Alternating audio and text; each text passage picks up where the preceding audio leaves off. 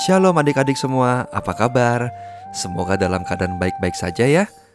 Apakah kalian sudah siap mendengarkan firman Tuhan hari ini?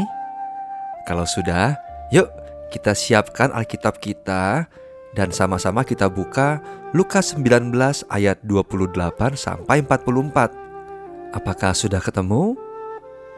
Baiklah, kalau sudah ketemu, mari kita berdoa terlebih dahulu agar kita mengerti dan mampu memahami renungan dan bacaan firman Tuhan kita hari ini. Mari kita berdoa. Terima kasih Tuhan Yesus atas penyertaan-Mu kepada kami. Begitu juga dengan kesehatan dan seluruh berkat yang sudah kami terima. Terima kasih Bapa. Hari ini kami berkumpul dari tempat kami masing-masing dan kami akan merenungkan firman-Mu. Mampukan kami untuk boleh mengerti, memahami dan melakukan firman-Mu dalam kehidupan kami sehari-hari. Dalam nama Tuhan Yesus kami berdoa. Amin. Adik-adik, renungan hari ini berjudul Tuhan Yesus dielu-elukan di Yerusalem. Sebelum mendengarkan renungan, mari kita membaca firman Tuhan yang tadi sudah kita siapkan. Firman Tuhan diambil dari Lukas 19 ayat 28 sampai 44. Beginilah bunyi firman Tuhan. Dan setelah mengatakan semuanya itu, Yesus mendahului mereka dan meneruskan perjalanannya ke Yerusalem. Ketika ia telah dekat Betfage dan Betania, yang terletak di gunung yang bernama Bukit Zaitun, Yesus menyuruh dua orang muridnya dengan pesan, Pergilah ke kampung yang di depanmu itu. Pada waktu kamu masuk di situ, kamu akan mendapati seekor keledai muda tertambat yang belum pernah ditunggangi orang. Lepaskanlah keledai itu dan bawalah kemari. Dan jika ada orang yang bertanya kepadamu, "Mengapa kamu melepaskannya?" Jawablah begini: "Tuhan memerlukannya." Lalu pergilah mereka yang disuruh itu dan mereka mendapati segala sesuatu seperti yang telah dikatakan Yesus. Ketika mereka melepaskan keledai itu, berkatalah orang yang mempunyai keledai itu, "Mengapa kamu melepaskan keledai itu?" Kata mereka, "Tuhan memerlukannya." Mereka membawa keledai itu kepada Yesus, lalu mengalasinya dengan pakaian mereka dan menolong Yesus naik ke atasnya. Dan sementara Yesus mengendarai keledai itu, mereka menghamparkan pakaiannya di jalan. Ketika ia dekat Yerusalem, di tempat jalan menurun dari Bukit Zaitun, mulailah semua murid yang mengiringi dia bergembira dan memuji Allah dengan suara yang nyaring oleh karena segala mukjizat yang telah mereka lihat. Kata mereka, Diberkatilah dia yang datang sebagai Raja dalam nama Tuhan, damai sejahtera di sorga, dan kemuliaan di tempat yang maha tinggi.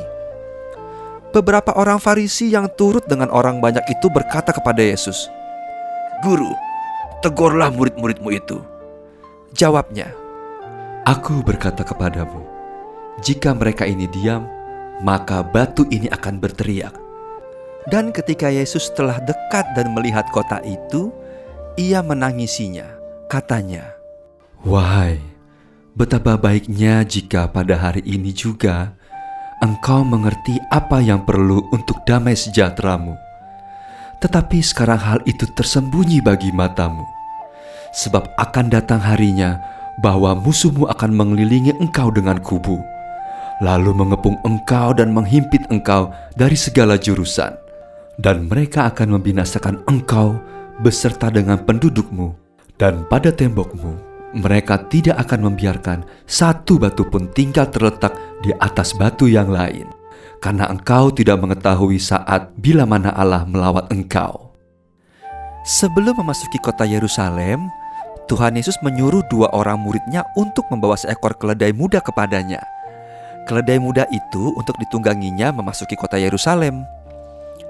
Kedua murid melakukan perintah Tuhan Yesus dengan baik. Pada masa itu, keledai digunakan sebagai alat transportasi atau alat pengangkut barang. Tuhan Yesus memilih keledai sebagai alat transportasinya karena keledai berjalan lamban dan bukan alat transportasi untuk berperang seperti kuda. Tuhan Yesus menggambarkan seorang pemimpin yang datang untuk membawa kedamaian, bukan untuk berperang. Pada saat Tuhan Yesus memasuki kota Yerusalem, banyak sekali orang yang menyambut Tuhan Yesus dengan senang.